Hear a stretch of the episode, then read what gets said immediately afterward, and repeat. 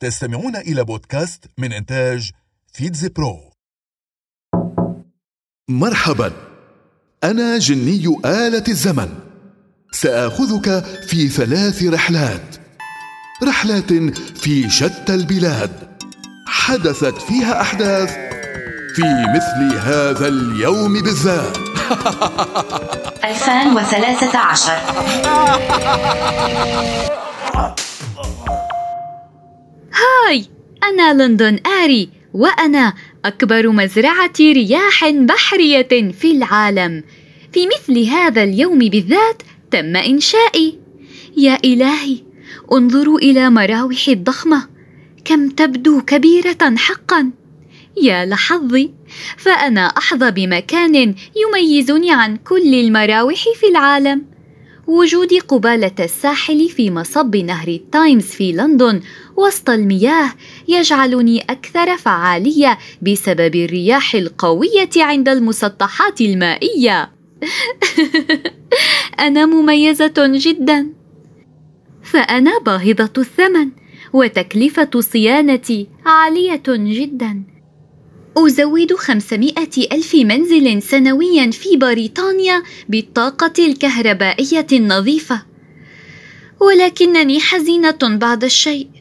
فهنالك أناس كثيرون معترضون على وجودي. فهم يعتقدون أن مراوح المنتشرة في المسطحات المائية تعمل على تلويثها وتخريب مظهرها.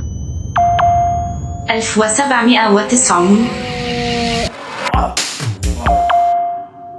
أنا الكولونيل سير جورج إيفرست.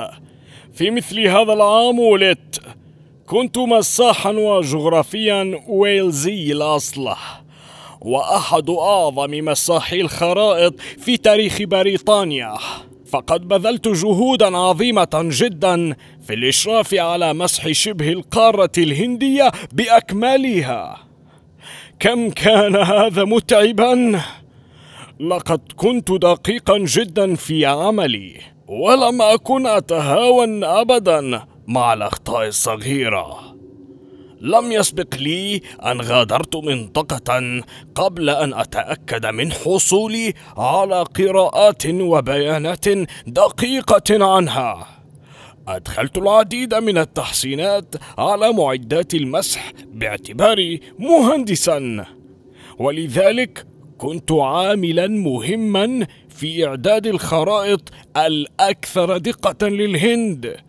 ولذلك ولذلك حظيت بشرف إطلاق اسمي. على قمة إيفرست. اعلى قمة في العالم.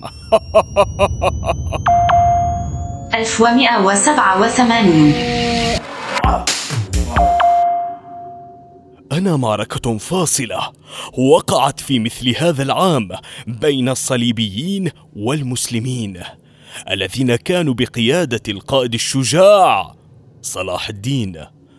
أنا معركة حطين. سميت بهذا الاسم نسبة لمنطقة حطين الواقعة بين الناصرة وطبرية في فلسطين.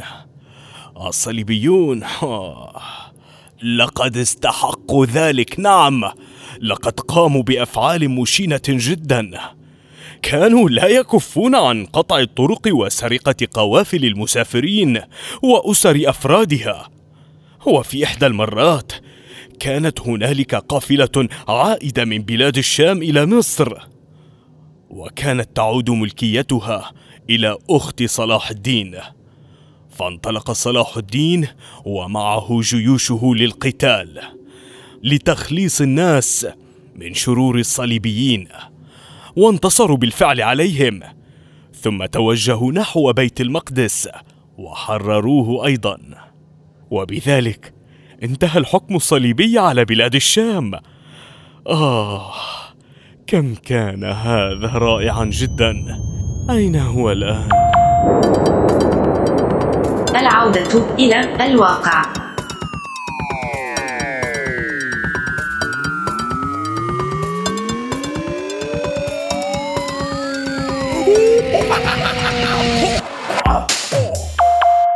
استمعتم إلى بودكاست من إنتاج فيتز برو.